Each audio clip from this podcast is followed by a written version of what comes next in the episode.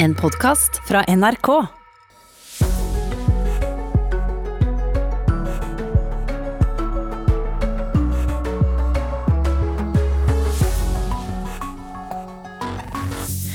De føderale sikkerhetsstyrkene som ble sendt til Seattle i USA, trekker seg nå ut, ifølge ordføreren. Styrkene har vært i byen mot ordførerens vilje. Og så er spørsmålet da, hva skjer med disse styrkene som nå er sendt til andre amerikanske byer? Det har vært en stor nedgang i innbrudd de siste månedene. Vi er mer hjemme, og de har kanskje gjort det vanskeligere å være innbruddstyv. Arbeidet med felles internasjonale regler for skattlegging av teknologigiganter som Google og Apple har bremset opp, ifølge skattedirektøren, og det er nå usikkert om det blir noen avtale i løpet av året. Er norsk ungdom for eh, late til å plukke jordbær? Det mener en jordbærbonde vi har snakket med. Han henter arbeidskraften utenfra, og sier at grunnen er at nordmenn ikke gidder å jobbe i åkeren. Ja, når vi begynte første dagen, så ga den første plukkeren seg. Han ga seg etter syv korver, Da hadde han veldig vondt i ryggen. Velkommen til Nyhetsmorgen i studio denne morgenen, Uko Fermariello og Anne Jetlund Hansen. Og vi starter i USA. De føderale sikkerhetsstyrkene som ble sendt til Seattle mot byens vilje, trekker seg nå ut, ifølge ordfører Jenny Durkan. Det er nyhetsbyrået Reuters som melder dette nå, og utenriksreporter Heidi Taksdal Skjeseth, hva er det som skjer i Seattle? I Seattle, som i mange amerikanske byer, har det vært demonstrasjoner i nesten to måneder. Eh, og de siste dagene, ukene, så har det trappet eh, seg opp. Eh, og det har vært føderale styrker i, i byen. Som du nevnte, verken ordfører eller guvernøren i delstaten har ønsket å ha disse her. Og nå for noen timer siden så meldte ordføreren at hun har fått bekreftet av Sikkerhetsdepartementet, som er de som koordinerer disse styrkene, om at de har allerede trukket seg ut av, av Seattle. Mm. Eh, ja. Hva, hva kan du si om disse styrkene? Altså, de er en relativt ny eh, konstruksjon. Eh, de er satt sammen av mange altså Det er eh, USAs føderale politi. Noe, I Seattle har det vært grensevakter, og de har fått beskjed om å beskytte føderale bygninger. Og Donald Trump sier bl.a. at disse byene ikke har klart å beskytte føderale bygninger selv, så derfor må de sende inn føderale styrker. Noe som har vakt sterke reaksjoner i mange av disse byene, som er styrt av demokratiske ordførere. Mm, for Det er altså sendt eh, slike føderale styrker til flere amerikanske byer. Hvorfor er det kontroversielt, egentlig? Det er mange som ser på dette som en slags eh, valgkampstunt. Eh, det er, det er absolutt lov. Føderale myndigheter og Donald Trump har rett til å sende føderale styrker til delstatene, men det er svært uvanlig å gjøre dette uten at de blir bedt om å komme og, og hjelpe. Og det har vært, eh, I seks storbyer har det vært ordførere som har skrevet brev til Trump-administrasjonen og bedt dem om å trekke styrkene ut. Så ser vi også at det er sammenstøt, og det har vært mye Det har vært angrep på føderale bygninger i flere byer. Eh, så mange mener på høyresiden at det er sterkt behov for å beskytte, beskytte byene og bevare en ro og orden. Ok, Takk skal du ha, utenriksreporter Heidi Taksdal Skjeseth. Og et av stedene hvor det er føderale styrker og, og mye mye uenighet om det, er Portland i Oregon. Eh, nå har eh, Det hvite hus sagt at de kanskje trekker ned antallet litt, eh, hvis Portland selv styrker vaktholdet. Det har vært store sammenstøt mellom politi og demonstranter de siste dagene. Lars Os, vår reporter, du befinner deg i Portland. Hva er klokken nå hos deg? Eh, klokka med meg nå er fem, seks, snart ti over ti på kvelden. Ti over tida, og hva foregår rundt deg nå? Vi hører, eh, ja. hører det skjer noe?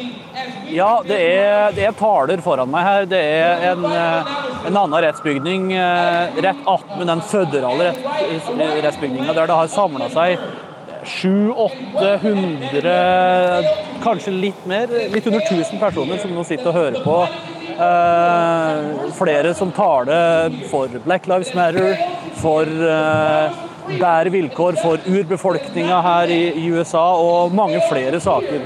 Og så har, eh, de, har da den både berykta og den anerkjente såkalte Wall of Moms, da de her mødrene i, i gul T-skjorte, de har nå eh, Nå står de egentlig manngard rundt eh, mange andre her. Nesten litt sånn som at de står oppstilt og skal passe på demonstrasjonene og demonstrantene. Og her, det her er jo da, så langt jeg kan se, veldig fredelig. Du har jo da truffet mange av demonstrantene, selvfølgelig. og hva, hva sier dem du har truffet om det at de føderale styrkene befinner seg i Portland? De aller fleste av uh, de som er her for å demonstrere, mener at det er feil at uh, det er føderale styrker her. Uh, Nøren sier at ja, de har jo lov, og det er, det er ingen det, altså, det er ikke noe det er ikke noe lov som liksom nekter om det, men de føler at det er en liten inngripen i, i dommers uh, privatliv og sfære. fordi at de vil heller at uh, det lokale politiet og lokale myndigheter skal ordne opp i det her, enn at Donald Trump bruker eh, Portland som eh, valgkampmateriale. Kan du si litt mer om eh, stemningen rundt deg? Vi hører applaus, vi hører appeller. Det står veldig mye. Det her er jo en, det er en liten park her som, eh, som er rett overfor de to rettsbygningene. Eh, det er mørkt på kvelden, eh, men eh, lysene står jo på her. Det står folk litt spredd overalt. De står og prater sammen. Eh, de står og hører på det som foregår her. og Hvis jeg går litt, litt lenger ned her, så, eh, så ser jeg òg at flomlysa rundt det her, den her føderale tinghuset, det, det står jo på som fullt. og Nede her så vil antageligvis eh, det bli eh, litt mer bråk eh, i løpet av kvelden. Det er venta at de fleste demonstrantene som er her nå, som er fredelige og egentlig ønsker å stå her og vise solidaritet og støtte, de vil dra hjem igjen, mens da du sannsynligvis vil ha en ja, et par hundre litt mer bråkmakere som kommer til å, å bli igjen. De, de, er nok rett og slett bare for å, å å bråke med politiet. Takk skal du ha. Lars Os, vår reporter i Portland i Oregon i USA.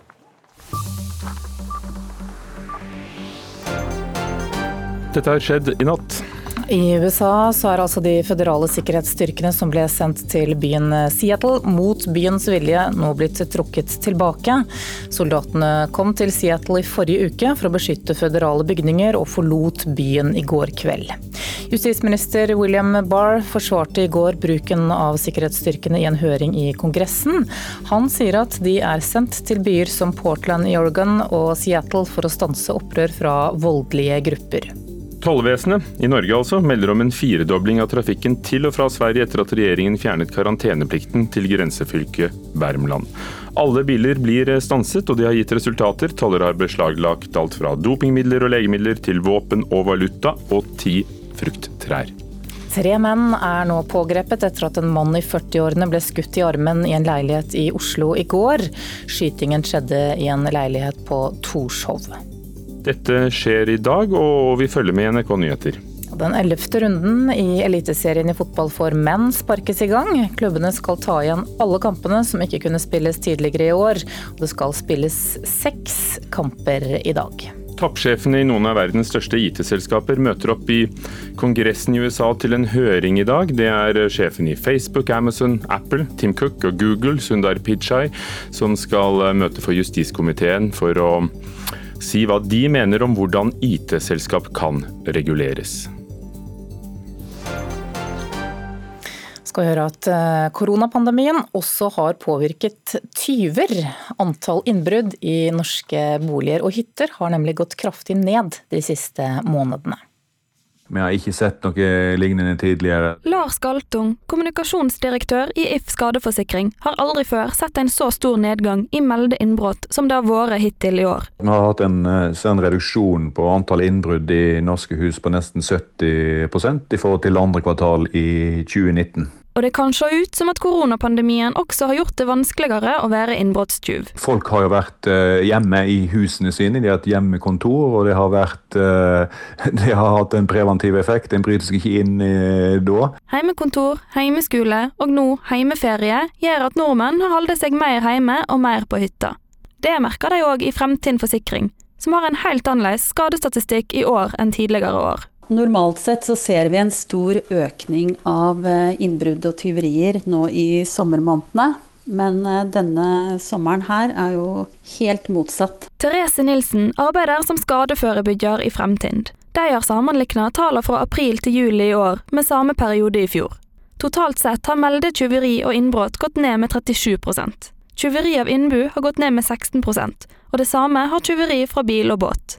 Den største nedgangen gjelder tyveri av reisegods, som har gått ned med hele 74% vi reiser jo ingen steder. Vi er mye mer hjemme nå enn før. Og for det tredje så vet vi jo at antall eh, grensepasseringer inn i landet vårt har jo sunket dramatisk. Så disse mobile vinningskriminelle, vi vil jo tro at det også har en medvirkende årsak til at vi ser en nedgang totalt sett. Ifølge politiet sin statistikk er vinningslovbrudd den kriminalitetstypen som har hatt størst nedgang i tall på meldte saker med en nedgang på 9% fra første fire månedene i år sammenlignet med samme periode i fjor. Når det gjelder grove tyveri fra bostader, er nedgangen på 15,2% En siste ting vi tror kan være medvirkende årsak til nedgang i disse tyveriene, er at folk flest er flinkere til å ta vare på tingene sine. Men medan det har vært færre innbrudd, har melde sykkeltyveri økt med 39,4% Vi er jo oppfordret til å unngå kollektivtransport og komme oss rundt eh, ved hjelp av noe annet. Så jeg vil jo tro det er eh, av sammenheng. Jo flere sykler, jo flere blir det jo også tatt. Og til de som har sykkel, anbefaler Nilsen å gå til innkjøp av en skikkelig god sykkellås. Har man en eh, kostbar sykkel, så invester også litt penger i en sykkellås. Så en solid, tung lås med nøkkel. Reportere her det var Trine Svanholm eh, Misje, som vi hørte i reportasjen, og Sutet eh, Monn. Og Politidirektoratet kunne ikke stille til intervju om dette her, men de skriver til oss at de ikke kan gi noen konkret forklaring på nedgangen i kriminalstatistikken nå.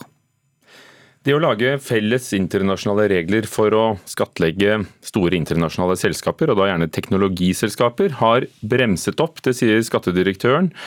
Målet var på plass å få disse reglene mm, i løpet av året det gjelder da selskaper som f.eks. Google og Apple, men viruspandemien og motstand fra USA har gjort det lite sannsynlig at det blir noe i år. Det sier Hans Christian Holte. Han er avtroppende skattedirektør og har ledet OECDs nettverk av skattedirektører. Ja, jeg ehm, kan ikke si annet enn at det ser nå tøffere ut enn det gjorde for noen måneder siden. Organisasjonen for økonomisk samarbeid og utvikling har hatt som mål å komme frem til en felles enighet om skattlegging av digitale selskaper i løpet av 2020. Selskapene betaler gjerne bare smuler i skatt, selv om de har store inntekter i det enkelte land. Men koronapandemien har gjort at arbeidet har bremsa opp. Og det er ikke den eneste utfordringa, sier Hans Christian Holte, som har leda OECD sitt nettverk av skattedirektører. Uh, og det andre er jo at uh, amerikanerne nå ikke gir full oppslutning om kan du si, alle de ulike delene av det forslaget som det har vært eh, jobbet med. Og de er jo helt avgjørende i denne sammenhengen. For USA, hvor mange av de største digitale selskapene hjemmehørende, har satt seg på bakbeina. Utfordringa er at dersom noen land skal få mer av skattekakene fra selskapene, får andre et mindre kakestykke. Professor Guttorm Schjelderup ved Norges handelshøyskole har forska på internasjonal beskatning i flere tiår, og ikke overraska. Dette har jo allerede fra starten av vært en eh, nasjonskamp. Og de store eh, teknologibedriftene som Facebook og Google de er jo amerikanske. Og eh, arbeidet mot å skattlegge de digitale selskapene har jo sånn sett i første rekke vært retta mot amerikanske selskaper. Derfor er det ikke så overraskende at de nå har trukket seg ut. Men betyr dette her da at eh, det er enda lenger opp og fram før man eh, kan forvente å få på plass en slik internasjonal enighet? Ja, i hvert fall hvis vi snakker om internasjonal enighet, så, så, tror jeg det er riktig. Det som kanskje er mer interessant og spennende, er jo at dette gjør jo at mange land nå antakeligvis vil vurdere å, å gjøre noe på egen hånd. Professor Guttom Schjelderup ved Norges handelshøyskole til slutt, og reporter var Johan B. Settem.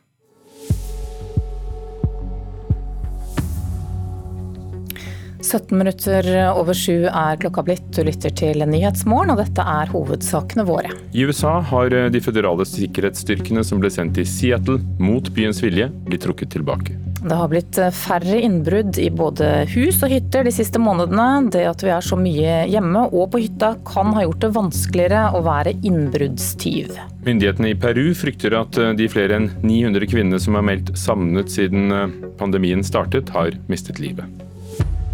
Det skal vi snakke om eh, om noen minutter. Aller først nå skal vi til Ukraina og forsøke på å få til en eh, våpenhvileavtale der. Bare én time etter at eh, denne siste våpenhvileavtalen trådte i kraft, så beskyldte ukrainske forsvarsmyndigheter separatistene for å ha brutt våpenhvilen og avfyrt skudd, men opprørerne i Donetsk har avvist disse anklagene. Ukraina har siden 2014 vært preget av konflikt, og i løpet av de siste årene har det vært flere forsøk på å få til en våpenhvile mellom eh, partene. Forsker ved Oslo OsloMet, Jørn Holm Hansen, velkommen til Nyhetsmorgen. Takk. Denne siste våpenhvileavtalen ble jo forhandlet frem i forrige uke av Ukraina, Russland og Organisasjonen for sikkerhet og samarbeid i Europa, og er jo da omtrent den 20. i rekken. Hvorfor er det så vanskelig å få disse avtalene til å fungere? Ja, En viktig årsak til det er at eh, det er veldig mange bevæpnede aktører inne her. Man kunne jo ha sett for seg at det var snakk om Ukraina og disse to opprørsrepublikkene, separatistrepublikkene i Lugansk og Donetsk, som sto overfor hverandre. Eh, men eh, det er involvert en hel haug med paramilitære grupperinger på begge sider. som støtter opp om eh, de to sidene. Og disse grupperingene består av leiesoldater, frivillige, folk med kamperfaring fra andre områder i verden. Eh, svært ofte høyreekstremister på begge sider. Å kontrollere dem er eh, ganske vanskelig. Og det er også et spørsmål om noen i det hele tatt har kontroll over disse utbryterrepublikkene. Enkelte hevder at de er direkte under kontroll av Russland. Eh, det er slett ikke sikkert at de er, selv om de får eh, støtte av Russland og ikke hadde klart seg uten russisk eh, opplæring, russisk materiell osv. Dette er jo altså en konflikt som har pågått siden 2014. Hvordan har den utviklet seg i løpet av disse årene? Ja, Den har utviklet seg på den måten at den har på en måte stagnert. Det har vært trefninger hele tiden langs denne kontaktlinja, som det heter, eller den interne grensa i disse to eh, østlige ukrainske fylkene, hvor eh, det er opprettet eh, sånne separatistrepublikker på deler av dem. Og det har ført til store menneskelige lidelser. 13 000 mennesker er drept, hvorav 3400 sivile. 1,5 million mennesker er drevet på flukt. Eller i hvert fall det er blitt internt fordrevne fordi det er farlig å bo eh, der de har bodd, langs denne kontaktlinjen hvor det er stadige trefninger. Det er kollaps i industrien, det er kollaps i infrastrukturen. Eh, energitilførsler til eh, boligene svikter, og det er bikkjekaldt om vinteren der borte. Vanntilførslene svikter, og det er steikhett om sommeren. Så det er, eh, det er egentlig en eh, stor humanitær katastrofe. og I tillegg så er det lovløshet i disse utbryterrepublikkene. Det er alvorlig menneskerettighetsbrudd. Så har altså Vladimir Zelenskyj vært president i landet i litt over et år. Han gikk jo til valg på å få til fred. Hva har han fått til så langt? Ja, det er riktig. Han gikk til valg på å få til fred, og fikk massiv oppslutning. Ingen har vunnet noen valg så klart som Zelenskyj gjorde i fjor. Og de kandidatene som sto for en hardere linje, kompromissløs eh, linje, eh, de eh, gikk på en skikkelig smell. Det han har fått til, er jo at samtalene har fortsatt. Han har fått til fangeutvekslinger. Eh, ganske viktige fangeutvekslinger eh, hvor eh, begge sider har klart å samarbeide. Og det, er en, det er nok også en litt bedre tone mellom Ukraina og Russland i denne konflikten nå enn det har vært tidligere. Ved at de som steller med det, kan man si direkte, på begge sider i presidentadministrasjonene, er mindre steile og mindre har en mindre klar fortid som eh, pådrivere for konflikten på hver sin side. Så det er eh, en viss grunnlag for å være litt optimistisk, i hvert fall. Mm, men Hvordan er forholdet da mellom Zelinskyj og Putin? Zelenskyj og Putin har vel i og for seg ikke noe særlig varmt forhold. Zelenskyj er jo ingen tilhenger av den russiske si, aggresjonen og Eh, involveringen i indre ukrainske forhold, men han, han, har en linje som gjør det lettere å kommunisere med Putin. Og Putin er nok på en måte fornøyd med at, uh, at det er Zelenskyj som leder Ukraina. Men jeg skal også huske på at på, på russisk side så er det jo en del i styringsapparatet som er interessert i å holde denne typen konflikter uh, gående. Mens andre er sterke motstandere av det. Veldig klare motstandere av det, fordi at de ser at det har store uh, uheldige økonomiske konsekvenser for Russland. Uh, sanksjonene som EU har satt i, verk f.eks. mot Russland etter uh, annekteringen av Krim, ble forlenget nå for et par uker siden med et halvt år. Dette er ikke noe som plager Russland så ekstremt mye. De klarer seg relativt greit, og sanksjonene er ikke så omfattende, men eh, det er til hinder for normalt økonomisk samkvem, og det er til hinder for eh, teknologisk samarbeid. Ok, Takk skal du ha, forsker ved Oslo OsloMet, Jørn Holm Hansen. 900 kvinner er savnet i Peru, og 70% av dem er mindreårige. Og Det verste er at landets myndigheter frykter at eh, alle disse er døde. Vold mot kvinner er et uh, samfunnsproblem i landet, og, og tallet på savnede har økt uh, mer enn vanlig under pandemien. En TV-stasjon i Peru forteller historien om den 16 år gamle Charet Marin Rojas, som forsvant fra sitt hjem i en forstad til hovedstaden Lima for en drøy måned siden. Med i programmet er 16-åringens mor, Elisabeth. Jeg gikk til politiet for å melde henne savnet, og da jeg kom dit, sa de at hun mest trolig hadde dratt for å besøke en kjæreste. Det var det de hadde å fortelle meg, sier den dypt fortvilte moren, som gir en beskrivelse av datteren og ber publikum om hjelp til å finne henne. Charet Rojas er en av 915 kvinner som er forsvunnet i Peru siden koronapandemien rammet landet i midten av mars, opplyser Eliana Revoyar hos landets ombudsmann. Hver tredje dag under pandemien er en kvinne blitt drept, og mange av ofrene var i første omgang registrert som forsvunnet. De siste månedene har tallet på forsvunne kvinner økt med hele 60% fra fem til åtte om dagen. Og 70% av de savnede er mindreårige, sier Eliana Revoyar, som leder avdelingen for kvinners rettigheter hos ombudsmannen i Peru. Al principio todo es lindo, lo sé. En informasjonsvideo fra Perus regjering setter fingeren på et av landets store problemer. Omfattende og grov vold mot kvinner, ofte med døden til følge. Og under pandemien er alt blitt verre.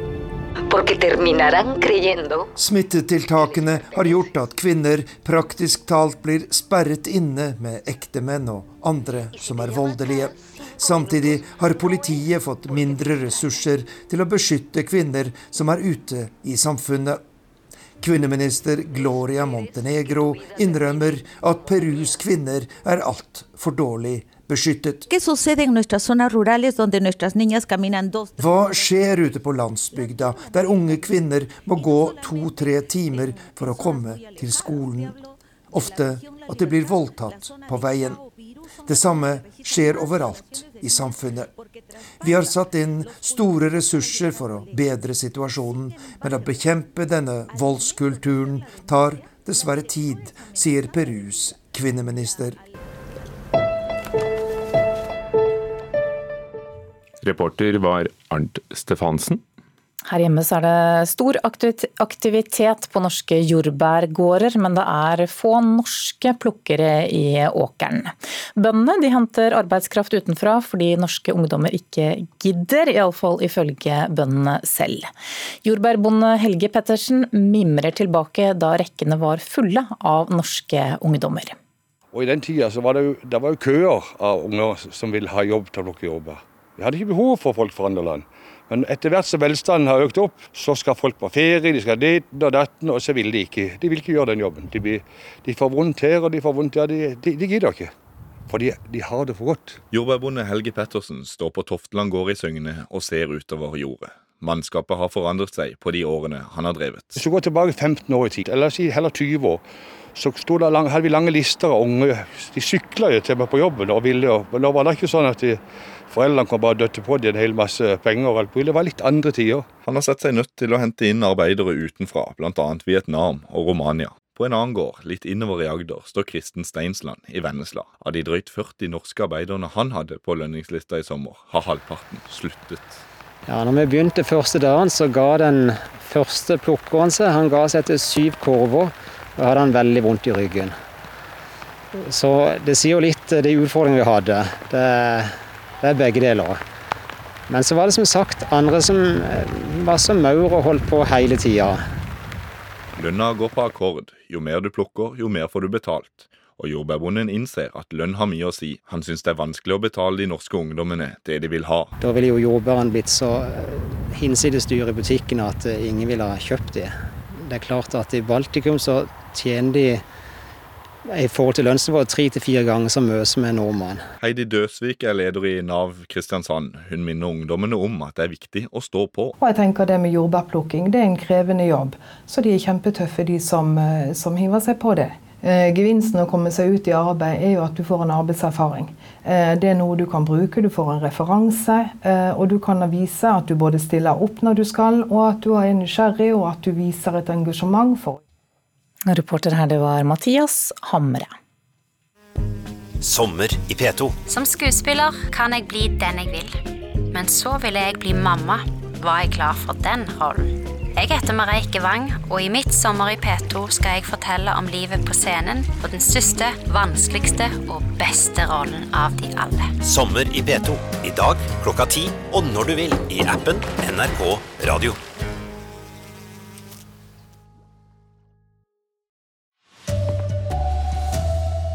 De føderale styrkene som har vært i Seattle mot byens vilje, trekker seg ut. Koronapandemien påvirker også de kriminelle. Stor nedgang i tallet på innbrudd.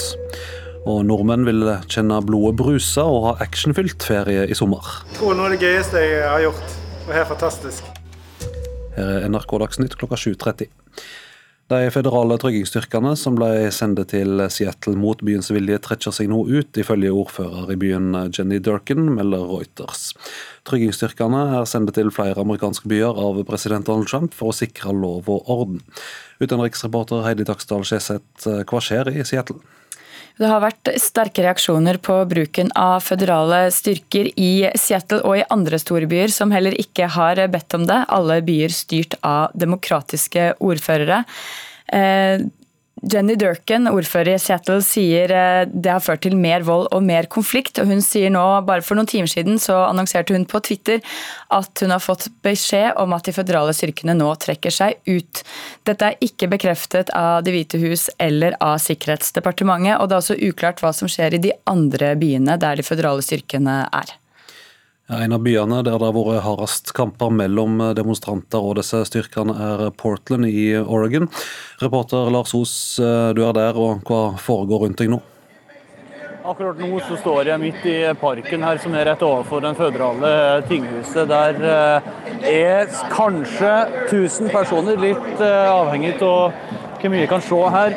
Forholdsvis rolig ennå. Det er mange som driver øh, og taler og har paroler oppe. Men det samler seg nå ganske mange folk rundt av det her føderale bygget som, øh, som er helt nedtagga og har ganske høye sikkerhetsgjerder rundt hele seg. Hva er det demonstrantene vil? Nei, de vil, eh, de vil, egentlig ganske mye. Det er ikke bare Black Lives Matter eh, eh, som de demonstrerer for her. F.eks. så er det òg en kamp mot urbefolkninga her, her, i Oregon. Jeg prata litt med noen, noen i, i stammer, fra urbefolkningsstammer som, sa det at det var like viktig for dem å få den anerkjennelsen de ønske. Eh, så det handler ikke bare om svarte, men Oregon og Portland spesielt er jo eh, berykta for å være en veldig hvit delstat og by. Takk skal du ha, reporter Lars Os i Portland i Oregon. Hjemme Koronakrisa har også påvirka innbruddstyvene. Tallet på innbrudd i norske hjem og hytter har nemlig gått kraftig ned i det siste. Vi har ikke sett noe lignende tidligere. Lars Galtung, kommunikasjonsdirektør i If skadeforsikring, har aldri før sett en så stor nedgang i innbrudd som det har vært hittil i år. Vi har hatt en, en sånn reduksjon på antall innbrudd i norske hus på nesten 70 i forhold til andre kvartal i 2019. Og det kan se ut som at koronapandemien også har gjort det vanskeligere å være innbruddstyv. Folk har jo vært uh, hjemme i husene sine, de har hatt hjemmekontor, og det har, vært, uh, det har hatt en preventiv effekt. En bryter seg ikke inn uh, da. Heimekontor, heimeskole og nå heimeferie gjør at nordmenn har holdt seg mer hjemme og mer på hytta. Det merker de òg i Fremtind Forsikring. Therese Nilsen arbeider som skadeforebygger i Fremtind. De har sammenlikna tallene fra april til juli i år med samme periode i fjor. Totalt sett har meldet tyveri og innbrudd gått ned med 37% Tyveri av innbu har gått ned med 16 og det samme har tyveri fra bil og båt. Den største nedgangen gjelder tyveri av reisegods, som har gått ned med hele 74% Vi er mye mer hjemme nå enn før. Så vet vi jo at antall eh, grensepasseringer inn i landet vårt har jo sunket dramatisk. Så disse mobile vinningskriminelle, vi vil jo tro at det også har en medvirkende årsak. Ifølge politiet sin statistikk er vinningslovbrudd den kriminalitetstypen som har hatt størst nedgang i tall på anmeldte saker. En siste ting vi tror kan være av medvirkende årsak, er at folk flest er flinkere til å ta vare på tingene sine. Reportere Trine Sandholm Misje og Sutet Moen. Politidirektoratet kunne ikke stille til intervju i saka, men skriver i en e-post at de ikke kan gi en konkret grunn i kriminalstatistikken nå. Arbeidet med felles internasjonale regler for skattlegging av de store teknologiselskapene er sett tilbake, frykter skattedirektøren. Målet var å få på plass regler for selskap som Google og Apple i løpet av året, men pandemien og motstand fra USA gjør det lite trolig. Det sier avtroppende skattedirektør Hans Christian Holte, som har leia et nettverk av internasjonale skattedirektører. Jeg eh, kan ikke si annet enn at det ser nå tøffere ut enn det gjorde for noen måneder siden. Organisasjonen for økonomisk samarbeid og utvikling har hatt som mål å komme frem til en felles enighet om skattlegging av digitale selskaper i løpet av 2020. Selskapene betaler gjerne bare smuler i skatt, selv om de har store inntekter i det enkelte land. Men koronapandemien har gjort at arbeidet har bremsa opp. Og det er ikke den eneste utfordringa, sier Hans Christian Holte, som har leda OECD sitt nettverk av skattedirektører. Det andre er jo at eh, amerikanerne nå ikke gir full oppslutning om kan du si, alle de ulike delene av det forslaget som det har vært eh, jobbet med. Og de er jo helt avgjørende i denne sammenhengen.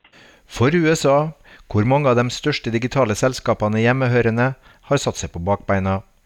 Utfordringa er at dersom noen land skal få mer av skattekakene fra selskapene, får andre et mindre kakestykke. Professor Guttorm Schjelderup ved Norges handelshøyskole har forska på internasjonal beskatning i flere tiår, og ikke overraska. Dette har jo allerede fra starten av vært en eh, nasjonskamp. Og de store eh, teknologibedriftene som Facebook og Google de er jo amerikanske. Og eh, arbeidet mot å skattlegge de digitale selskapene har jo sånn sett i første rekke vært retta mot amerikanske selskaper. Derfor er det ikke så overraskende at de nå har trukket seg ut. Reporter var Johan B. Settem. Om eh, kort tid er det fadderveker på studiestedene, og det uroer overlege ved Folkehelseinstituttet Preben Aavitsland. Fadderveka, som er startskuddet for semesteret, blir annerledes i år grunnet smitteverntiltakene. Ja, fadderukene er nok litt skumle, syns jeg. For det, da kommer det ungdom fra hele landet.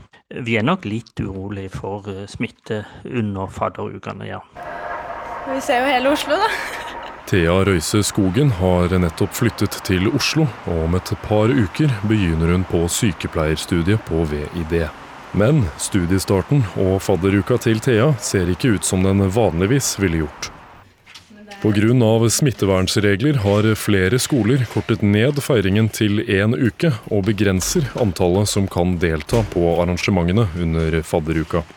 Fadderkoordinator ved Universitetet i Bergen, Martin Jacobsen, føler seg trygg på at de har lært opp fadderne godt nok i smittevern. Noe de har gjort bl.a. ved hjelp av et mobilspill. Det første vi har gjort, det er jo det at vi har laget en ganske omfattende smittevernsplan for hvordan vi skal ta vare på de nye studentene på en sikker og trygg måte. Reportere Elias van Krogh og Carl Biel. Mange nordmenn oppsøker adrenalinkick på ferie i Norge. Stig Bergli Ingvaldsen og sønnen Markus fra Bergen er blant de mange som har fått testa flyging i vindtunnelen på Voss. Jeg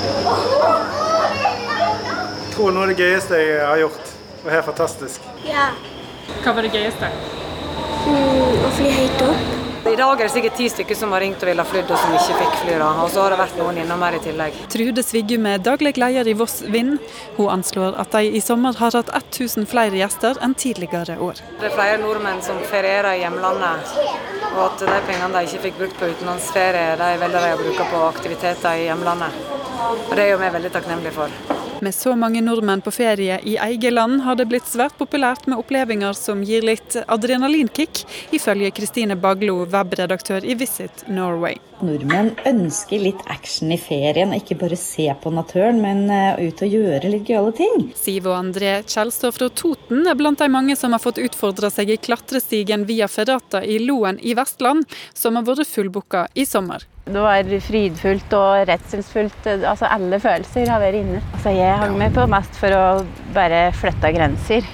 Og fantastisk natur, ikke minst. Erik Brendefur i Loen Aktiv har måttet tilsette mange nye instruktører for å ta unna det store trøkket fra de ferierende.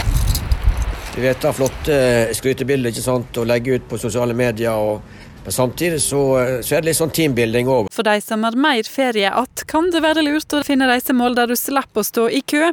Visit Norway har et hett tips å teste juving. Og Det er da at du eh, rappellerer ned i sånne kløfter med sånne elvegjel. Det er en utrolig morsom opplevelse.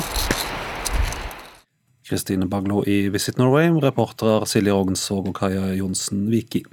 Om fem minutter er det sommerkvarteret i P2 Alltid nyheter og NRK1, og dagens gjest er Kari Elisabeth Kaski fra Sosialistisk Venstreparti. Ansvarlig for sendinga Ulf Tannes Fjell, i studio Vidar Eidhammer.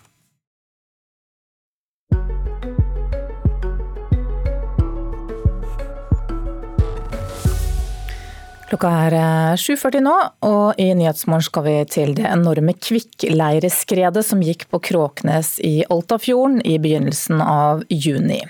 Onsdag 3. juni klokka halv fire på ettermiddagen sto Rolf Isaksen utenfor huset sitt på Kråknes i Alta. Og dette huset hans det ligger bare noen meter ovenfor barndomshjemmet i et sørvendt, grønt og frodig område der det ligger flere andre hus og hytter. Og denne ettermiddagen raste plutselig plutselig grunnen ut i sjøen like nedenfor huset hans. Isaksen så at barndomshjemmet sank rett ned og ut i sjøen. Og hundegården med elghunden Raja ble dratt med i skredet. Det er da som var det verst når hunden forsvant, akkurat ute på havet. Det, så det var trasig. Men egentlig så, så tenker man jo på det her hele tida. Mm. Det verste er at hjemplassen blir borte. Og at man ikke kan, kanskje, kanskje ikke, kan, ikke, kan, bo her mer. Det, er jo, det syns jeg er trasig. Nei, her er mye som er borte. Det, det er ikke mye eiendom igjen, egentlig. De som har vært her på befaring, eh, eksperter og sånn, eh, har de gitt deg noe slags svar på hva det var som var årsaken til det? her? Nei, de har ikke gitt noe sånn. Ikke sånn eksakt svar. Det, det, det har de kanskje ikke sjøl heller enda. De driver og jobber med saken. Og, og prøver å, å, finne ut hvorfor det starta der. This is quickly. This is the, the sliding material. Skredforsker Louise Wick fra New Zealand viser oss kvikkleira som førte til det enorme skredet i juni. Når den er tørr, er den både stabil og har lav glideeffekt. Men når den blir fuktig, så blir den veldig glatt, mister helt friksjon og blir veldig ustabil for det som tynger på leira, sånn som hus og veier. All of a sudden, look at that. Yeah. It's suddenly not sticky anymore, and it's unable to hold anything. Hmm. Da skal det lite til for at det blir ei utglidning, sånn som skjedde 3.6 på Kroknes. Stina Pettersen studerer geologi ved Universitetet i Tromsø. Nå er hun på Kråknes på feltarbeid. I dag skal vi kartlegge litt av området, eh, hva som skjedde, og eh, ta noen prøver av leira. Ta med på lab senere og kanskje få testa. Eh, så kan hende vi må komme tilbake litt senere og ta en ekstra titt, men det er i hovedsak det vi skal gjøre i første omgang.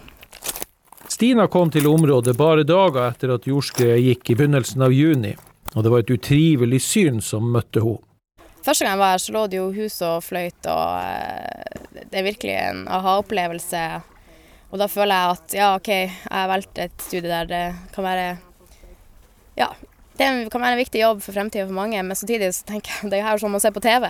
Men så får du se det i virkeligheten, og det er virkelig Ja, jeg ser man kan forklare det. er Veldig spesielt. og interessant og trist på samme tid, rett og slett.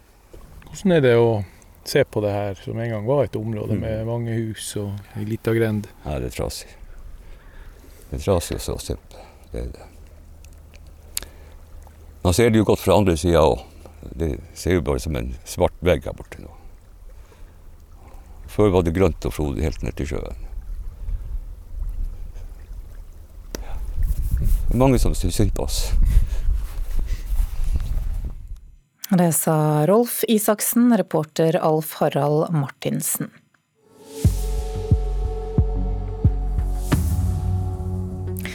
Klokka er 7.44 eh, nå. Du lytter til Nyhetsmorgen, og dette er hovedsakene våre. De føderale sikkerhetsstyrkene som ble sendt til Seattle i USA trekker seg nå ut, ifølge ordføreren. Styrkene har vært i byen mot ordførerens vilje. Det er også sendt føderale styrker til flere andre amerikanske byer. I Peru frykter myndighetene at flere enn 900 jenter og kvinner som, savnet, eh, som er meldt savnet siden koronapandemien startet, har mistet livet. Og det har blitt færre innbrudd de siste månedene. Det at vi er så mye hjemme og på hytta kan ha gjort det vanskeligere å være innbruddstyv. Gjest i sommerkvarteret denne morgenen, det er SVs finanspolitiske talsperson på Stortinget, Kari Elisabeth eh, Kaski. Hun mener stortingsflertallets vedtak om krisepakken til oljeindustrien var en historisk politisk tabbe.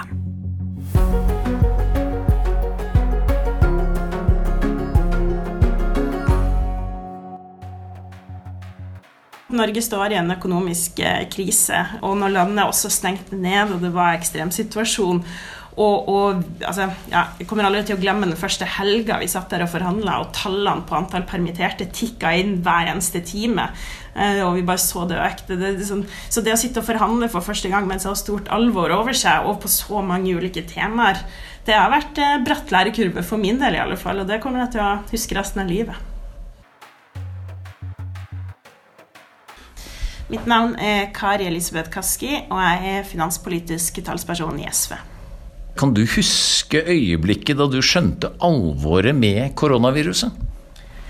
Det har jo vært um, en liksom utvikling egentlig gjennom, uh, gjennom, vinteren. Men jeg tror altså det første øyeblikket der det virkelig var litt sånn oi, det var uh, mandag morgen den uka der Norge ble stengt ned på, i slutten av uka. For da var jeg faktisk i taxi på vei ned fra NRK, og så eh, hadde det jo gjennom helga liksom begynt å komme noen sånne små drypp, men så falt også oljeprisen dramatisk.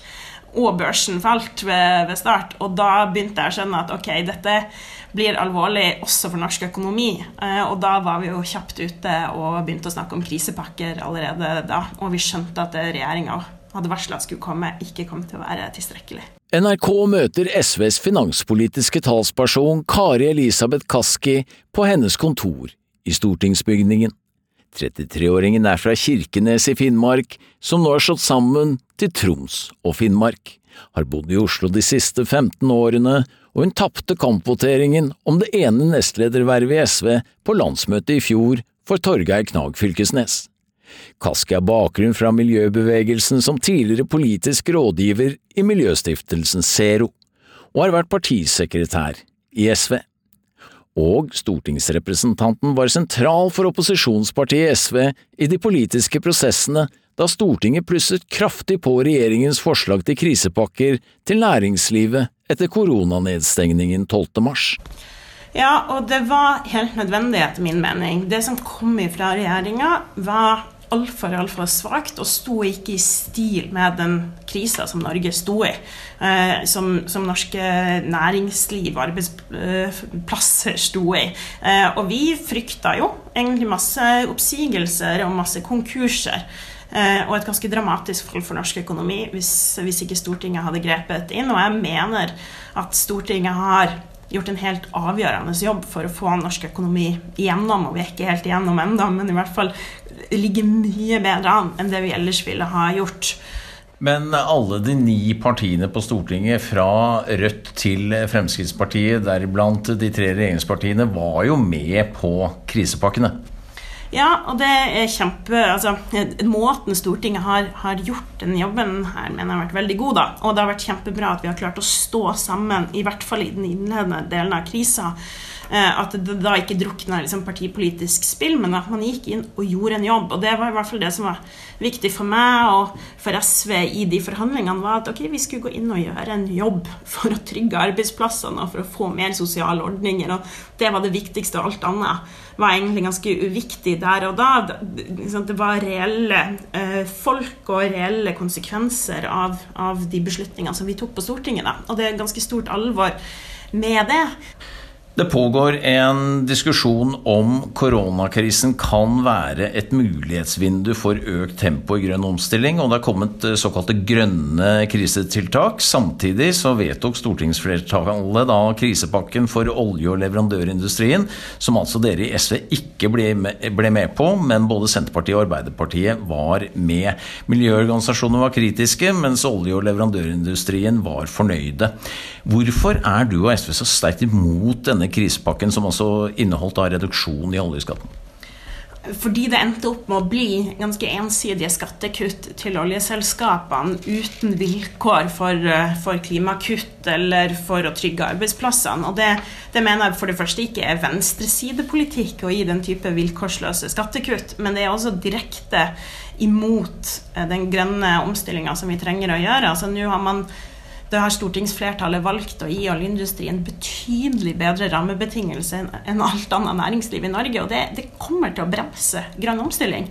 Eh, og det er egentlig ganske råttent gjort mot alle de selskapene som nå jobber hver eneste dag for å få til klimakutt, for å, for å bygge opp nye næringer, ny industri som, som Norge kan leve av på lang sikt. Så det mener jeg var en historisk tabbe som stortingsflertallet gjorde der når de gikk inn for den oljestøtta. Men uten denne pakken så hadde verft eh, langs kysten gått på ryggen og stengt dørene pga.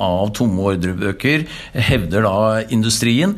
Er arbeidsledigheten i norsk olje- og leverandørindustri en akseptabel pris å betale for å sikre høyest mulig tempo i den grønne omstillingen som du er inne på?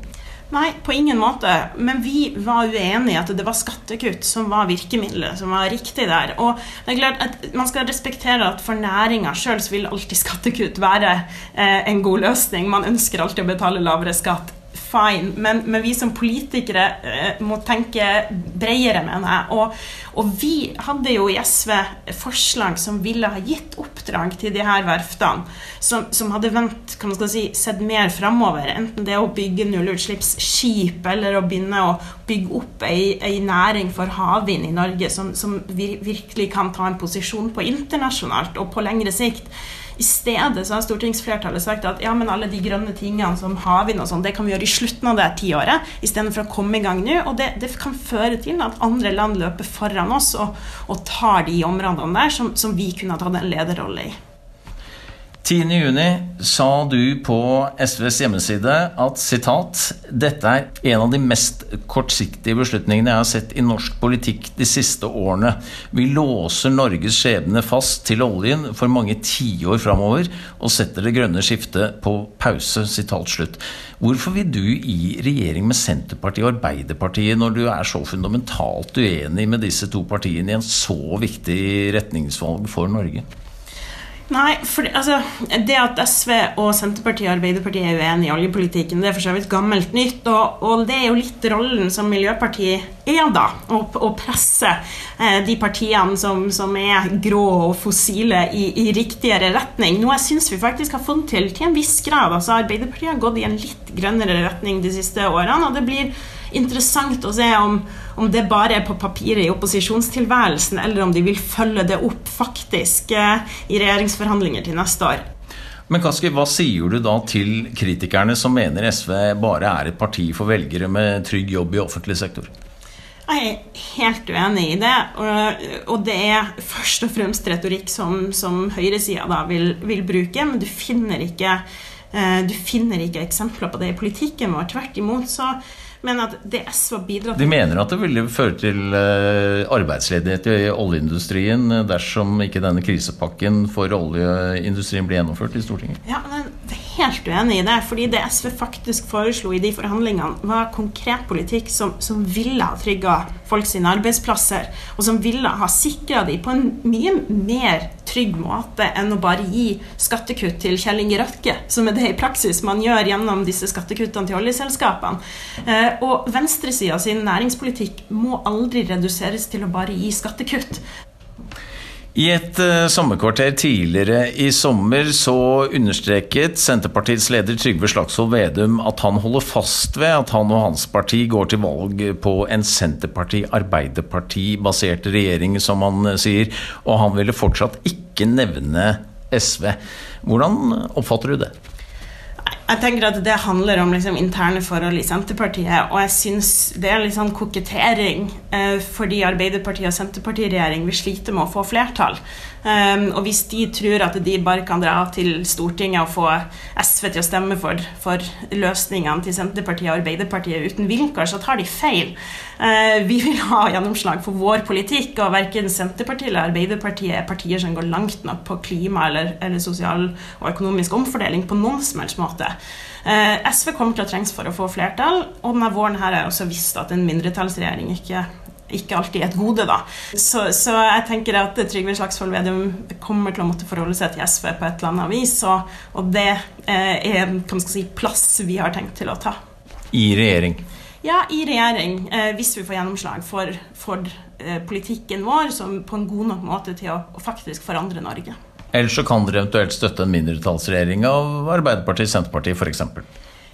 Det er også en mulighet, men jeg tenker at vi gjør jo ikke det uten vilkår. Det er jo ikke bare for å sitte og banke gjennom politikken som Arbeiderpartiet og Senterpartiet har lyst til å gjennomføre. Da, da er det ikke noe vits i. Vi må jo få gjennomslag for vår politikk. Og vi vet at selv om Arbeiderpartiet og Senterpartiet vil ha regjeringsskifte og står på venstresida, eller i hvert fall eh, står til venstre for dagens regjering, så, så, går det ikke langt nok til å kutte utslipp eller for å få til omfordeling i Norge. Der trengs SV. Eh, og det er en oppgave som vi har tenkt å ta. Men hvorfor vil du ha SV inn i regjering når Senterpartiet ikke engang vil nevne dere i den sammenheng? Fordi Regjering handler jo også om å få gjennomslag for politikk, og gjennomført politikk. Og Det er derfor vi er i et politisk parti. Det er fordi at vi, vi tror på en del politiske løsninger som, som vi mener gjør Norge og, og, verden til et bedre sted. Altså, vi trenger å få, få, gjennomført den politikken, enten det er politikk da, for å kutte klimagassutslipp, for å omstille norsk økonomi eller for å redusere de økonomiske forskjellene. Og, og eh, da må vi gjøre det sjøl. Da må vi få gjennomslag for det. Så da er jo regjeringsdeltakelse en måte å gjøre det på, men det fordrer jo at vi faktisk får gjennomslag for den politikken. da. I perioden 2005 til 2013 satt altså Arbeiderpartiet, Senterpartiet og SV i en flertallsregjering. Men er da den politiske avstanden mellom SV og Senterpartiet økt når det gjelder viktige politikkområder som industri, energi, klima og innvandring siden dere satt i regjering sammen? Ja, På noen områder så, så har de jo det. Og jeg eh, syns jo det er eh, trist at Senterpartiet har beveget seg i en mindre grønn retning eh, siden vi styrte sammen. Eh, og oppfatter at de har egentlig valgte å ta avstand fra mye av de, den grønne politikken som vi førte sammen i rød-grønn regjering. Det syns jeg er synd. og jeg, eh, Det er åpenbart uklokt når du ser de store klimautfordringene som, og, og naturutfordringene som vi står overfor. Men jeg tror også det er uklokt. altså dette er, Klimasaken kommer til å bli det viktigste spørsmålet det tiåret her. Det kommer altså til å bli det viktigste spørsmålet blant velgerne det tiåret her. Det har du sett i flere andre valg i andre land. Så, så, så alle politiske partier må ha en klimapolitikk politikk som, som møter de, de, de, utfordringene vi står overfor, og det burde også Senterpartiet ha. Men har forskjellen mellom Senterpartiet og SV økt på de viktige områdene som vi nevnte?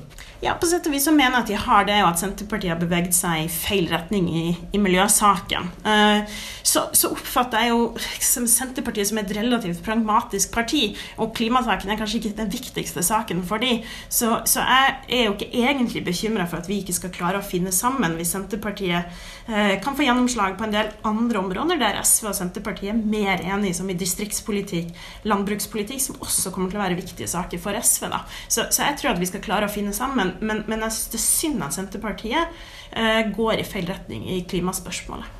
Men på noen meningsmålinger i hvert fall, så er Senterpartiet dobbelt så store som dere i SV. Hvilken betydning mener du det kan få? Det vil jo eh, ikke nødvendigvis ha noen betydning, annet enn at eh, SV må jobbe hardt det neste året for å bli enda større. Vi har vokst på meningsmålingene, vi har enormt stor medlemsvekst, eh, og vi har mye kraft inn i den valgkampen som kommer om et år. Og jeg har lyst til at vi skal bli så store som mulig, fordi det vil gi oss kraft også i de forhandlingene etter valget. Du har vært partisekretær for SV i to år. Du ønsket å bli nestleder, tapte på målstreken der. Nå er du stortingsrepresentant. Kan du tenke deg vervet som partileder etter Audun Lysbakken når han en gang gir seg? Det har jeg egentlig ikke tenkt noe på. og Det er jo ikke noe aktuell problemstilling i SV i det hele tatt. Audun har ikke sittet så lenge som partileder. Jeg håper han fortsetter lenge. Han har utrolig bred tillit i, i SV. Eh, han er godt likt eh, også utad, tror jeg. Gjør det jo veldig godt som partileder, så jeg håper vi får gleden av å ha han som partileder i, i mange år framover. Og, og, da skal man ikke ha verken noe tenkning eller noe, eh, noe lederdebatt eh, så lenge han sitter der. Tror du koronakrisen i år også blir trukket inn i stortingsvalget neste år? Ja, da, det, det, tror jeg helt sikkert at det vil, vil bli. Både fordi jeg tror ikke krisa kommer til å være over til neste år. Jeg tror at spørsmålet om arbeidsløshet og det å klare å få folk i jobb kommer til å være enormt viktig i valgkampen til neste år. Eh, vi ser det bare her i Oslo at eh, mange unge står utafor jobb, og jeg er jo redd for at arbeidsløsheten kan, kan eh, bite seg fast over lengre tid, og det vil være en katastrofe. Det må vi forhindre at den gjør. Kari Elisabeth Kaski, fortsatt god sommer. Likeså.